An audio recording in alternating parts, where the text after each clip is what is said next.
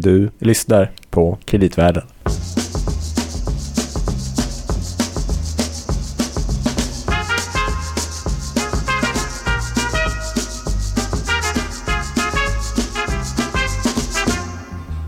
Varmt välkommen till ett nytt avsnitt av Kreditvärlden. Som alltid med Louis Landeman, Hallå, hallå.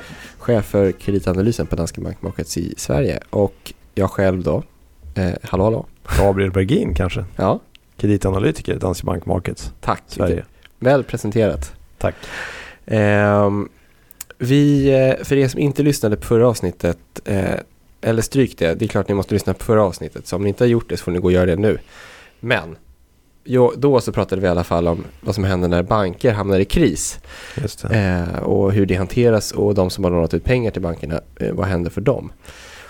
Men då konstaterade vi att det får ju ofta spridningseffekter på den stat i vilken banken är verksam. Ja.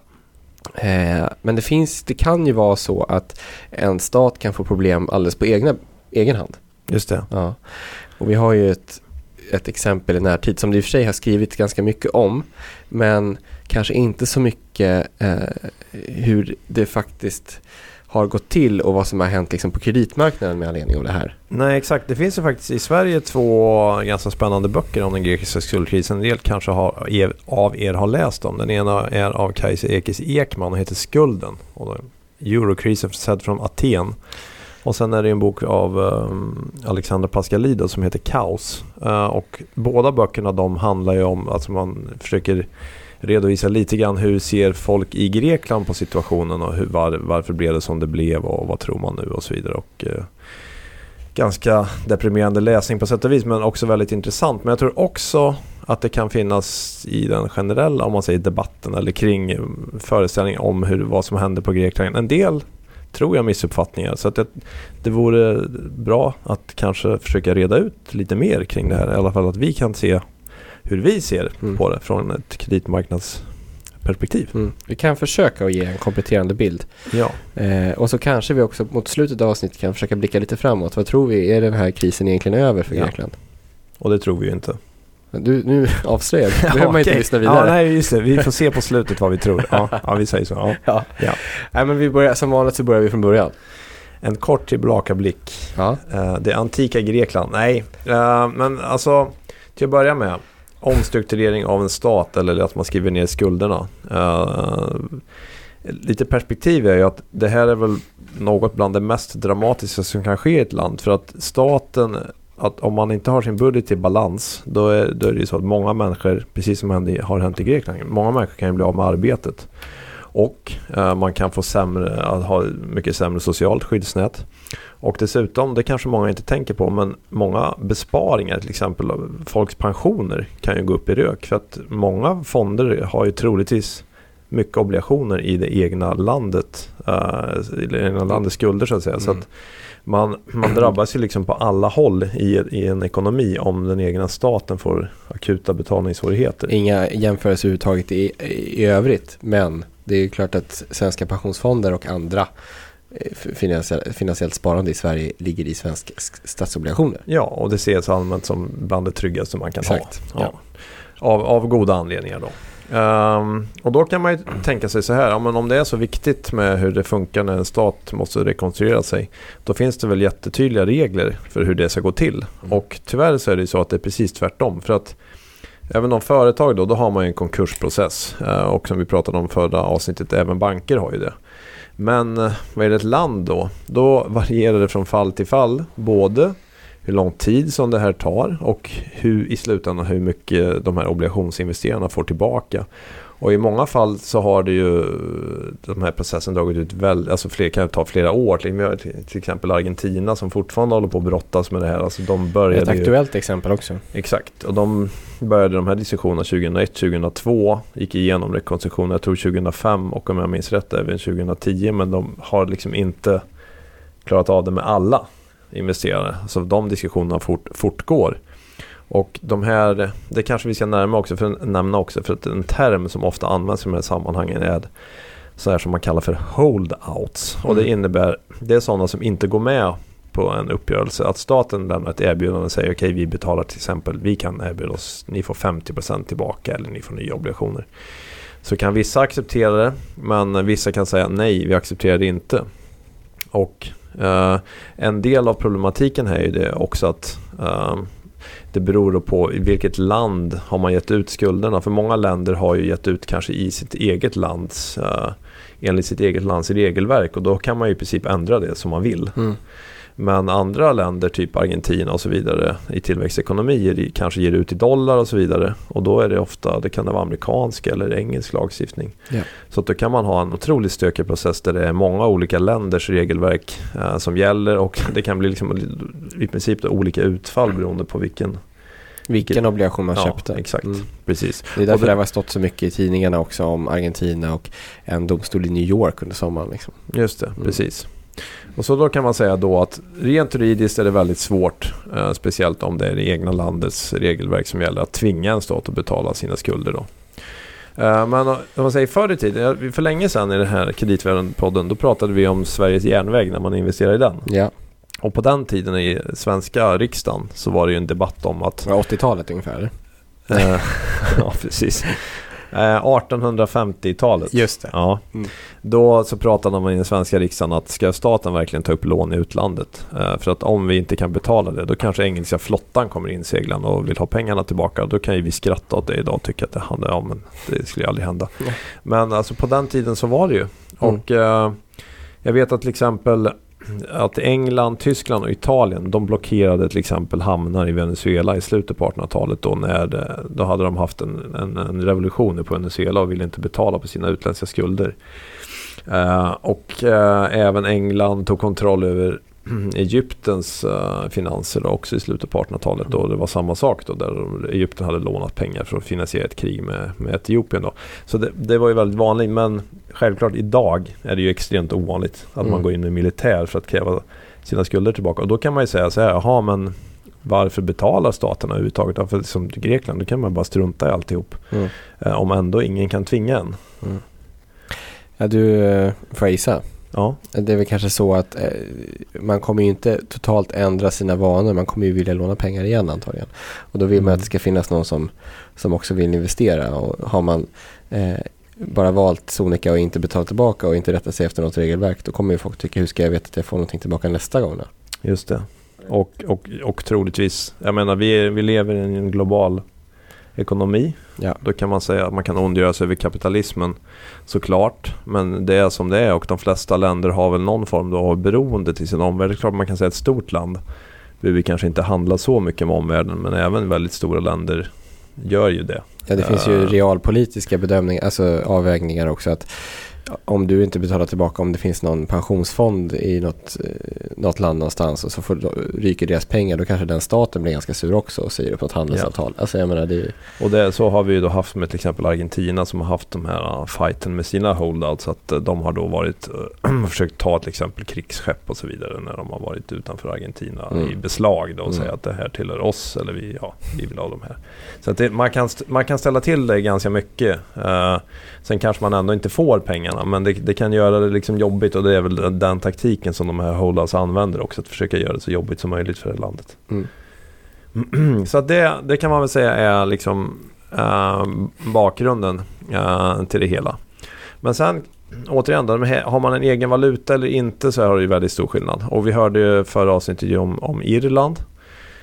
Äh, där man liksom är inne i eurosamarbetet och då blir det väldigt jobbigt. Därför att en, ett land som har en egen valuta kan ju man kan ju så att säga till exempel inflatera sig ur en skuldkris. Man trycker pengar helt mm. enkelt. Uh, men en, har man inte den möjligheten då får man ju använda andra metoder och då har man mycket lägre flexibilitet då. Och då kommer man in på det här som vi, vi lyssnade på det om Irland förra, det här med att prata om intern devalvering. Att man helt enkelt ska sänka lönerna i landet och så mm. vidare. Uh, och flera länder då, uh, Irland, vi har ju haft detsamma på Baltikum och Grekland. Och alla de här försöker gå igenom de här åtstramningspaketen. Uh, och det är självklart väldigt, väldigt svårt.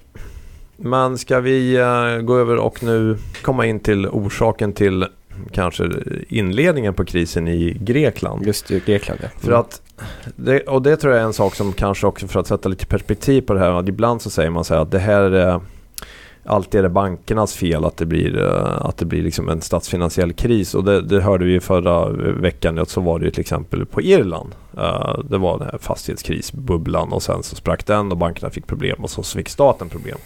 I fallet Grekland är det ju dock annorlunda. Ja, bankerna där har fått problem men det har ju faktiskt berott på att staten har uh, haft statsfinansiella problem med sin budget och mm. när man har gjort den här skuldnedskrivningen och bankerna har investerat i grekiska statsobligationer så har ju de fått förluster på det. Plus mm. att den här kraftiga recessionen, eh, lågkonjunkturen i Grekland har gjort att eh, man har då, nu har man också fått väldigt stor andel problemlån. Mm. Men jag tror att det är väldigt viktigt att komma ihåg att det inte varit bankerna här som har utlöst krisen utan det var ju snarare att efter Ja, eller man kan säga det, om man tar det Lehman, liksom, ja, mm. men när liksom vi fick den här turbulensen på kapitalmarknaden så kan man säga att då, då, första steget efter Lehman var ju liksom att man gick efter svagare banker, de fick svårare att finansiera mm. sig.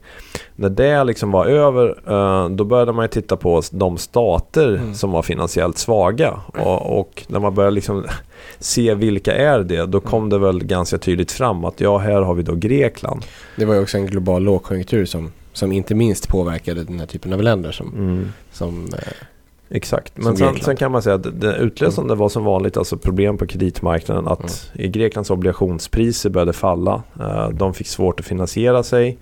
Var tvungna att börja diskutera kring något uh, stödpaket. Uh, och sen så sänkte ratinginstituten kreditbetygen och man gick under den här investment grade-tröskeln mm. och då blev det liksom akut. Och en bakgrund där var ju att när man fick en ny regering, det var 2009 när mm. PASOK kom in.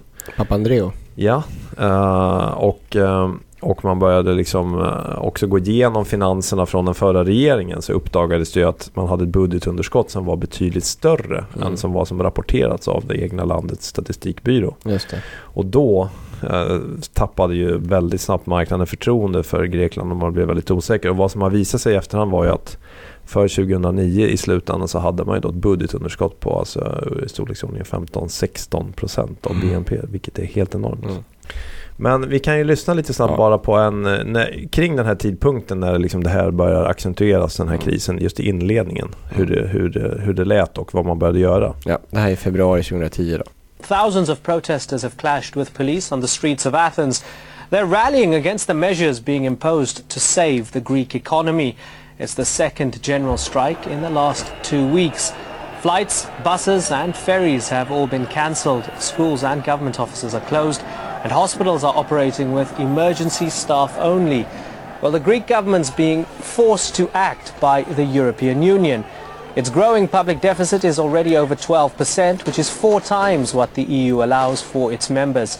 Greece's national debt also stands at almost $420 billion. Well, the Greek government stands accused of hiding its true economic situation, both borrowing and spending beyond its means. To try to rescue its economy and return to within EU rules, the government is imposing so-called austerity measures. Just det, och där hör vi att man liksom börjar prata om de här åtstramningspaketen. Och ska jag säga också vid den här tidpunkten så tror jag att man hade då en skuld på ungefär 130% av, eh, av BNP, vilket var väldigt högt. Vi hörde mm. om det stora budgetunderskottet, 15 över 15%. Men också en en viktig sak att komma ihåg. Uh, för det tror jag också är lite kanske av en myt att man pratar om att ja, sen kom man in i de här stödpaketen med den så kallade trojkan då, alltså ECB, EU, mm. IMF. Som egentligen tar lite över och börjar diktera villkoren och vad man måste göra. Och då är det många som tror att ja, väldigt mycket folk har blivit uppsagda. Eh, staten ska spara pengar, man ska privatisera och alla de här pengarna som man får in går till att eh, betala räntor till utländska banker. Eh, och det är faktiskt inte fallet därför att saken är ju den att Grekland hade ju vid den här tidpunkten budget, negativt budgetunderskott före räntebetalningar mm. på 10%. Så att, och varför man var i så akut behov av extern hjälp det var ju därför att man klarar inte av på egen hand att finansiera. Så plus och minus i statsbudgeten går inte ihop. Så att de här... Och det blev ju svårare och svårare att låna pengar på kapitalmarknaden när räntorna gick upp just på grund av det här. Ja, så exakt. då sökte man ju någon annan lösning. Ja, exakt. Och då gick man till ja, EU. Exakt. Mm. Men hade man liksom, hade, om vi säger att budgeten hade varit mer i balans så hade man ju kanske haft mer egna möjligheter att mm. säga att vi till exempel vi väljer att gå ur euron på en gång och, och självklart en smärtsam process men man har ändå man är hyfsat i balans från början och sen får man självklart ett antal problem när man, när man ska skapa en egen valuta. Men det skulle mm. varit lättare. Uh, och det kan man men så att mycket, oavsett vad man tycker om de här liksom lönesänkningarna och allting som självklart var oerhört smärtsamma. Uh, och i princip har nästan gjort att hela landet har kollapsat. Så hade man egentligen inget val. Och det, sen kan man självklart diskutera vems, vems fel är det alltså när man har byggt upp skulder under en väldigt, väldigt lång tid. Och det är såklart återigen en följd indirekt av att man kom med i euron som gjorde att man kunde låna billigt. Eh, självklart kan man diskutera EUs så att säga, ansvar, att man inte liksom sa till tydligare eller varför fick Grekland komma med i euro. Eh, samarbetet och så vidare. Sen att man har korruption uh, i, i, landet och man har väldigt stora problem med skatteindrivningen. Så att, jag tror att en, det är en väldigt viktig faktor här att vi har en grupp människor som kanske tjänar mycket pengar men många av dem har både mycket av sina förmögenheter utomlands och när man tjänar pengar så har man olika sätt att undvika att betala, betala skatt så att skattebasen är inte tillräckligt stor. Och det här det är otroligt svåra saker att, att komma till rätta med. Men jag tror att oavsett om man har varit som man är nu kvar i euron eller om man sagt att man har gått ur så hade det blivit lika smärtsamt. Men nu pratar vi om att BNP har, har fallit med i storleksordningen 25 procent sen inledningen på krisen. Och mm. det, det är andra saken att komma ihåg också att komma ur en sån här skuldproblematik från ett land det är nästan omöjligt om man inte har tillväxt. För att någonstans, om vi går tillbaka och pratar om Sverige igen så såg vi att vi devalverade i början mm. på 90-talet. Fick fart, hade en stark exportindustri, mm. fick fart på, på ekonomin och det gjorde att vi delvis kunde växa oss ur mm. krisen. Men här när man inte har i Grekland då samma, man har inte samma exportbas heller och man har inte möjligheten att devalvera. Mm. Då är vi inne på det här att du ska göra din intern devalvering mm. men du får ingen kickstart. Och du, du, riskerar att hamna i den här negativa spiralen egentligen. Allting bara blir mer och mer negativt. Mm.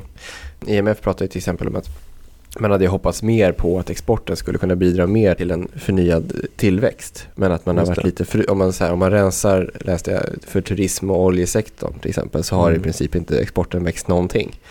Eh, och det belyser ju liksom behovet av strukturella reformer. Ja. Och det låter jävligt trubbigt och är ofta också, kan vara svåra i omställningsprocessen. Alltså det kan drabba människor eh, som har svårt att ställa om i till exempel i, mm. i, i vissa branscher och sådär. Men, men om man tittar på Sverige till exempel så, så är det allt det som du säger men som vi också nämnde förra gången så genomförde man också stora strukturella reformer mm. på olika marknader för att få fart. Och även Tyskland då som man målar upp som en stor bov mm. i den här, i början av 2000-talet genomförde också en hel del strukturella reformer som man eh, hörde ganska mycket kritik mot internt mm. i landet. Mm. Men som har varit en av anledningarna till att det har gått, en, men det finns många andra också, ja. men en av anledningarna till att det gått så bra för Tyskland under den här krisen. Ja. Eh, så, Absolut är det så. Mm. Men sen är det det, man har ju inte haft någon politisk enighet och har väl fortfarande väldigt lite politisk Precis. enighet och då blir det också väldigt, väldigt uh, svårt att liksom komma vidare om man säger så. Mm. Och den politiska enighet som finns är, är väldigt bräcklig just ja. nu i Grekland. Ja, och kan egentligen kollapsa när som helst. Uh, men apropå då, vi pratade om det här, vi skulle ju prata om skuldnedskrivning. Mm. Och där har ju då Grekland slått rekord uh, faktiskt.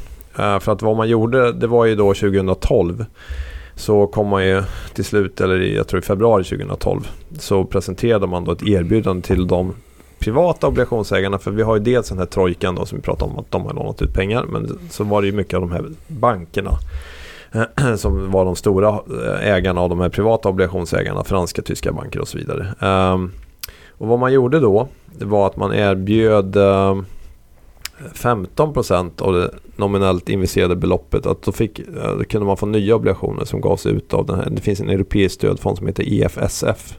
Som är väl typ, inte AAA med det kanske de är. Men de har väldigt hög kreditkvalitet. Uh, sen fick man, så det var 15%. Man fick nya grekiska statsobligationer med långa löptider och låg ränta.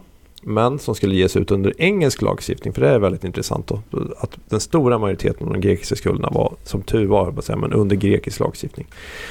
Så det var upp till 32% nominellt belopp och sen lite ytterligare kompensation, 1-2% till. Um, och det här gjorde då att de som gick med på det här, de fick en skuldnedskrivning på ungefär 65% men för vissa obligationsägare kunde det upp till till och med 75% och det är alltså då väldigt, väldigt mycket. Så ofta, ofta brukar man inte lyckas med så här mycket. Mm.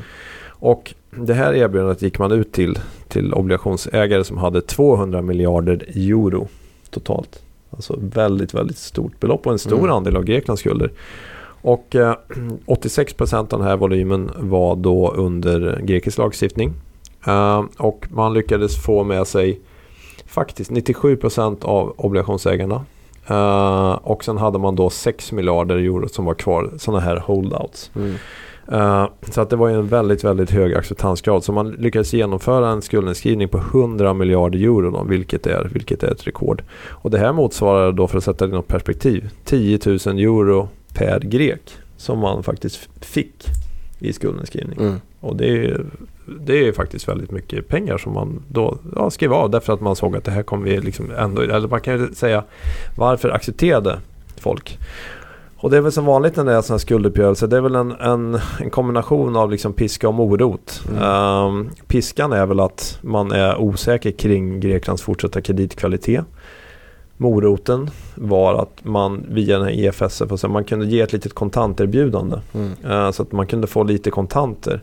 Så här hade ju Grekland väldigt stor nytta av att man hade den här supporten från trojkan. eh, Som kunde ge, liksom göra det lite mer attraktivt. Och det förmodligen hade ju, alltså de flesta andra länder har ju ofta inte den hjälpen. Och, eh, så En del av piskan var väl också att om man var rädd för att om eh, Grekland verkligen Mm. skulle ställa in betalningarna och Exakt. lämna euron så skulle ju de här obligationerna falla väldigt mycket i värde över en vad natt. kommer jag få då? Liksom? Ja, exakt. Det är kanske bättre att ta det, jag- det jag kan få. Ja, Och sen självklart ska man inte komma ifrån att om det är en fransk bank ja och den franska staten är med och ställer upp med pengar så kan de ju säkert utöva vissa påtryckningar på den här banken att eh, det vore nog bra om ni Mm. kan tänka er att acceptera det här erbjudandet. Mm. Ehm, och Det här nu, gjorde ju också att Greklands skuld förlängdes väldigt mycket, eller hur? Man, just det, och man fick ner räntan då. Mm. Men vad som också är intressant då det är ju att det var ju då sådana här holdouts som vi sa då. Inte så mycket men lite grann. Och faktum är att hittills så har ju faktiskt Grekland betalat dem till fullo. Så att det finns När det de som har fått då. Mm. 100%. Mm. Och det har då varit typ obligationer under engelsk lagstiftning. Så återigen, det är inte liksom lika för alla här riktigt, vilket Nej. är rätt intressant. Så att ja, då kan man säga oavsett alla andra problem får man ändå säga att det här var ganska, ganska lyckad eh, transaktion. Sen kan man säga så här, många säger då att ja, men det här borde man gjort mycket tidigare eh, och så sluppit att strama åt. Jag kan säga ja, man, det, tror jag de flesta tycker att man, man kunde ha gjort det tidigare. Att man, man hade väl en tendens att liksom skjuta på det därför att man, man ville att bankerna, de här franska och tyska och så vidare, skulle vara redo så att säga finansiellt att kunna ta den här nedskrivningen. För det är klart att det blir en förlust för dem. Då måste man se till att de har tillräckligt med kapital. Eh, så visst, man kunde ha gjort det tidigare, det hade varit bra. Men samtidigt hade, man, hade Grekland sluppit att strama åt om man gjorde det tidigare? Nej, det hade man ju inte. Utan man måste gå igenom det här. Mm. Men okej, men då gjorde man det. Men hur ser det ut nu då? Ja, tyvärr är det ju så att Grekland har ju fortfarande, trots att man gjorde det här då, för att hade man inte gjort det så hade liksom skuldbördan bör- bördan varit väl över 200% av BNP. Ehm, Potentiellt ohållbart. potenti- ja, väldigt potentiellt ohållbart. inte bara potentiellt Nej. utan ohållbart för Grekland. Ja, Eh, men trots att man har gjort det här då så har man ju fortfarande en väldigt hög skuldbörda. Den ligger väl uppåt, eh, om jag minns rätt, 180 procent någonting i stil av BNP fortfarande. Och sen så har man då en plan. Och det här, de som, memorandum då som är liksom namnet på den här uh, åtstramningspaketen och vad man ska göra från IMF. Det är ett liksom väldigt hatat ord i Grekland. Man gillar, Mm. det är det värsta man vet om man säger memorandum. Men kan faktiskt rekommendera för den som är intresserad gå in på IMFs hemsida och, och läs ett av de här eh, där det står om liksom vad, vad har man gjort och vad ska Mm. man göra. För att det finns väldigt mycket intressant där man kan se på prognoser och vad man, och vad man kan se då det är att planen är genom, huvudsakligen genom att man ska få fart på tillväxten framöver. mm. Uh, vilket vi pratar om, hur viktigt det är att få det. Då så ska den här skuldbördan komma ner gradvis till 120% 2020. Mm. Vilket 120% fortfarande är en, en hög nivå. Mm. Kan man ha lyckats med det? Det känns ju väldigt, väldigt tveksamt. Eh, men det jag... eller, alltså, man har väl sagt att de har ett mål för budgetöverskottet att det ska vara eh, 4% från 2016 och ett Mm. antal år framåt. Och Mm. till och med IMF säger ju att det här har i princip inga, inga länder av de Nej. som de följer lyckats med att ha ett Nej. sånt högt budgetöverskott så många år i rad. Nej. Så att äv- även de som är liksom långivare då eh, och har förhandlat fram det här säger att det är i Mm. princip ouppnåeligt. Och det man ska komma ihåg är ju också just att när man stramar åt och man ska lösa många års så att säga uppbyggda problem på så kort tid så det orkar man nästan inte med politiskt. Alltså det Mm. kräver så otroligt mycket och eh, folk har fått det så otroligt svårt i Grekland. Så Mm. att, men det som man, om man säger har lite som morot då från den här trojkans sida det är ju liksom att man försöker säga då till den grekiska regeringen som är ganska reformtrött nu det är att ja, men om ni liksom fortsätter så kan vi erbjuda mer skuldlättnader eh, och då kanske det inte handlar om att man gör en officiell skuldnedskrivning för det är såklart politiskt känsligt att för eh, Merkel i Tyskland har liksom presenterat att nu ska vi ta en förlust här eh, mot Grekland igen utan men vad man kan göra är till exempel att man kan skjuta på förfallen på lånen ytterligare, man kan sänka räntorna ytterligare. Vilket i praktiken är en nedskrivning. eh, en nedskrivning men man behöver inte bokföra det som en nedskrivning. Så att det Ska liksom vi, ser ska vi lyssna på ut. hur eh, nuvarande, han är ju på väg ut nu, men EU-kommissionens ordförande Barroso, Just det, hur liksom EU ser på nuvarande situation. First of all, let me very sincerely congratulate you, Prime Minister, for your very inspiring words. Listening to you, I thought that not only Europe owes a lot to ancient and classic Greece. Without Greece, European civilization would simply not exist as such, but also that I'm sure we are going to owe a lot to you, to modern Greece, for the great example of courage, determination, and commitment to our Europe that you personally and the people of Greece are giving these days. så, så, så det är som du säger, liksom, man tycker att det är allvarligt, men man försöker ju verkligen peppa dem även i de här liksom, offentliga samtalen. Mm. Så, Och det låter ganska lyckat när man hör hur Barroso... ja, exakt. Bra, bra gjort. Men som du säger, liksom, en av de stora riskerna är väl också det politiska läget. Det är väl två mandat. Ja, vi har en, en koalitionsregering eh, som... en bräcklig koalitionsregering som har... Blocköverskridande. Exakt. Och som har två mandats övervikt så det behövs ju inte mycket att någon faller bort. eh, för att vi... Alltså man kan tänka sig ett nyval. Eh, och vi vet ju tidigare att den här vänsterkoalitionen, uh, Syriza, eller jag kanske uttalar fel, men att de eh, har, ju, har ju varit inne på liksom att, eh, alltså mer negativ mot trojkan och kan jag tänka mig också skulle kunna lan- återlansera att vi ska gå ur, ur euron. Mm. För att vad man ska komma ihåg, nu har ju faktiskt när man har gjort de här åtstramningarna så har man ju uppnått en balans i då, eh, budgetsituationen före räntebetalningar. Och då har man ju då egentligen ökat sina chanser att kunna återigen gå ur euron. Och jag, jag kan tänka mig att det kunde vara lite frestande så att det finns det är svårt för trojkan nu att använda piskan på samma vis. Mm. Eh, Så det ökar ju också risken för, eller risken men eh, ja, utifrån eurons, eurozonens perspektiv att man går ur dem. Men Mm. en möjlighet kanske för Grekland att känna att vi kan göra en Det blir lättare rent ekonomiskt gör det nu. Ja. Mm. Sen så är det klart att ett, ett problem som man alltid ska komma ihåg, ska man skapa sin egen valuta så får man initialt problem med hela finansiella sektorn. Eh, där man liksom måste återskapa bankerna, bankernas kapital. Och, och sådär, för de får ju en väldigt förl- förlust då liksom i Mm. den situationen. Men eh, bara som ett exempel då på vilka politiska strömningar som framförallt kanske finns bland en del unga människor Mm. där arbetslösheten är så väldigt hög. Eh, så är det en intervju med några, Ja, det här är faktiskt väldigt, väldigt intressant. några ungdomar. Uh, we're fighting, we're trying to convince other people and uh, to make them understand that uh, uh, all this crisis is uh, a result of the capitalist system. Do you seriously think there could be a left wing government in Greece?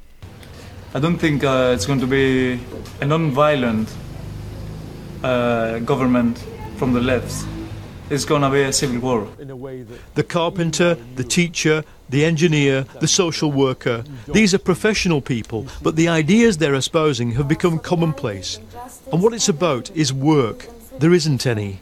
If there is no war, there is a revolution against the government. Så det är ganska höga tongångar och Mm. liksom även det här är ju ingen nyhet, eller det, prat, det hör man ju mycket om i alla medier. Men du har ju de här å ena, ena sidan och andra sidan har man Gyllene gryning, nazistpartiet. Ja. Som också är stora liksom. Så att spänningarna är ju ganska... Ja, exakt. Höga. Vi har ju, det finns ju dim- dimensioner som blir liksom för, för mycket att gå in på här. Men Ja. alltså vi har ju en situation med till exempel där det är otroligt mycket immigranter från utanför EU som kommer till Grekland som ett gränsland där man Uh, får liksom egentligen nu har mycket folk som lever på gatorna och det är mer eller mindre öppna stridigheter här mellan olika invånare och man har, många har ju inte mat för dagen. Och det är ju alltså, det är väldigt läskigt att tänka på det men hur kommer liksom demokratin i Grekland att överleva det här? Det är ju absolut inte säkert utan det finns ju en enorm risk.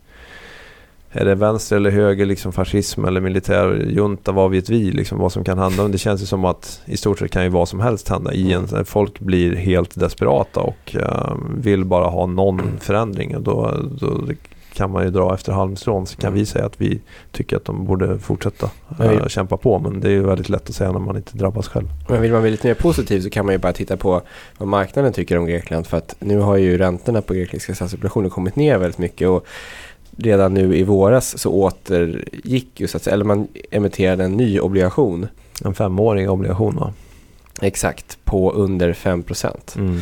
Eh, vilket ju är helt otroligt. Alltså Ja. med tanke på att man noterade så här 30-35-procentiga det var ju inget som emitterades då, men Nej, och där, exakt. Och där tror jag att, då kan man säga vem köper en sån. Men jag tror att resonemanget då är i princip att ja men Grekland har inga korta skulder nu och vi vet att de har, de, alla lån de har från eh, ECB med flera, eh, eller IMF och de, ligger ju på väldigt långa löptider till låga räntor och de här obligationerna kommer förfalla innan de förfaller. Så att givet att Grekland är kvar i euron och fortsätter eh, liksom att leverera så kommer man ju lätt att få tillbaka. Alltså jag tror att så, så går väl resonemanget och det är absolut ett sätt att se på det. Men plus att det, det är det generella risk, liksom, sentimentet i marknaden. Eh, Ja, jakten på Avkastning. avkastning, absolut. Men återigen så det går inte att komma ifrån att det finns betydande risker. Så att, får jag svara på den här frågan nu då som vi hade i början om? Ja. Är det över? Är det över? Då, då säger jag nej igen. jag tror inte Du har att inte över. ändrat det under avsnittets gång? eh, nej, jag har inte det. Och det man kan tänka på är att om vi nu bara leker med tanken att Grekland får någon ny regering och man säger nu ska vi gå ut ur euron. Då har vi ju liksom tillbaka den här diskussionen. Jaha, men kan man gå ut euron, ur euron som valuta? Eh, då kanske det inte är så här vattentätt alltihop och då kan man ju liksom bli få förnyad oro kring, kring euron som valuta och så vidare. Det, det är ju inte för en alltför långsökt tanke att det skulle kunna hända. Sen när, det är helt omöjligt att säga. Mm. Ska jag säga en annan grej som är, eller en annan grej, en grej som är Säger du? positiv. Berätta. Fast jag vet inte om den är så positiv. Nej. Nej, men vi pratade ju om att det finns ingen internationell standard för att hantera krisande stater. Eh, men det, det försiggår mycket diskussioner kring om man, om man kan ly- lyckas göra det. Och då för, vad man försöker göra är att införa någonting som man kallar för collective action clauses. Det kan vara också en sån här bra term att känna till. Vad innebär det? Jo, det är då, vi pratar ju om holdouts, att till exempel Argentina har problem med dem så där. Så vad man försöker göra i vissa klausuler när man ska låna nya obligationer, eller ge ut nya obligationer, det är att då man kan eh, införa en klausul som heter den Collective Action Clause. Då kan en kvalificerad majoritet av obligationsägarna fatta beslut. Så då behöver inte alla vara med. Så om man har några som säger nej så kan man, eh, så kan man ta det. Tvinga Och- dem, helt ja. enkelt. Och det, när man gjorde den här omstruktureringen av Greklands skulder då var det 90% av skulderna som inte hade eh, sådana här collective action clauses. Men eh, man kan ju då tänka sig att det här kommer att komma. Visst, med en ny standard så att säga. Ja, precis. Men problemet är, ska man veta då, att det här, även om man har en sån här klausul, då gäller det bara för varje enskild obligation. Så det blir ändå väldigt många olika röstningsprocesser. Ja, men du måste ha 90% av utestående belopp i den obligationen. Så för att att den ska, ja. ja. Så som avrundning på det kan man säga att risken är att den här processen kommer att vara ganska stökig och tidsödande även framgent. Så det var nog inte så positivt ändå, kommer jag på. Insåg jag nu. Ja, Vad vi, vi tråkigt. avslutar med den här. Vi har ju en liten rolig, men det är en ganska trevlig sång ändå. Ja, Och den, det, vi har hittat en sång som belyser lite Det är ju det här dilemmat mellan den som lånar ut pengar och den som har lånat pengar. mm. Och när man hamnar i de här problemen så Mm. får ju båda parter är liksom missnöjda. Och i det här fallet så är det ju ofta i Grekland är det ju alltid Tyskland som målas ut som liksom den här onda då. Men det, det blir liksom motparten. Så den här sången, man får tänka sig det är två verser. Och den första ska ni tänka er är som om den vore sjungen av en av Tyskland. Tänkte jag att det är Merkel. Ja, Fast med lite ljusare röst. Ja. Och sen andra halvan så är det Grekland som sjunger tillbaka. Ja, Ja. exakt. Och då Så. får man liksom lite båda sidor. Ja. Vi kanske avslutar med den här. Vi avslutar med den. Så innan jag sätter på den så vill jag bara säga iTunes, Twitter, kreditvallen.se, Ja, brev att kreditvallen.se. ni får gärna gilla, gärna och gilla frågor. oss, eller hur Gabriel? Gilla oss på alla tänkbara sätt. oss, alltså. mm. Om ni träffar oss på stan så kan ni säga att ni gillar oss. Nu avslutar vi med den här låten. Vi hörs Ja. igen ganska snart. Och då får vi se, det kommer ett nytt spännande tema tror jag i nästa avsnitt. Som vi Mm. inte behöver, vi kanske inte så, vi, lite cliffhanger. Mm. Något spännande blir det. Hej. Hej.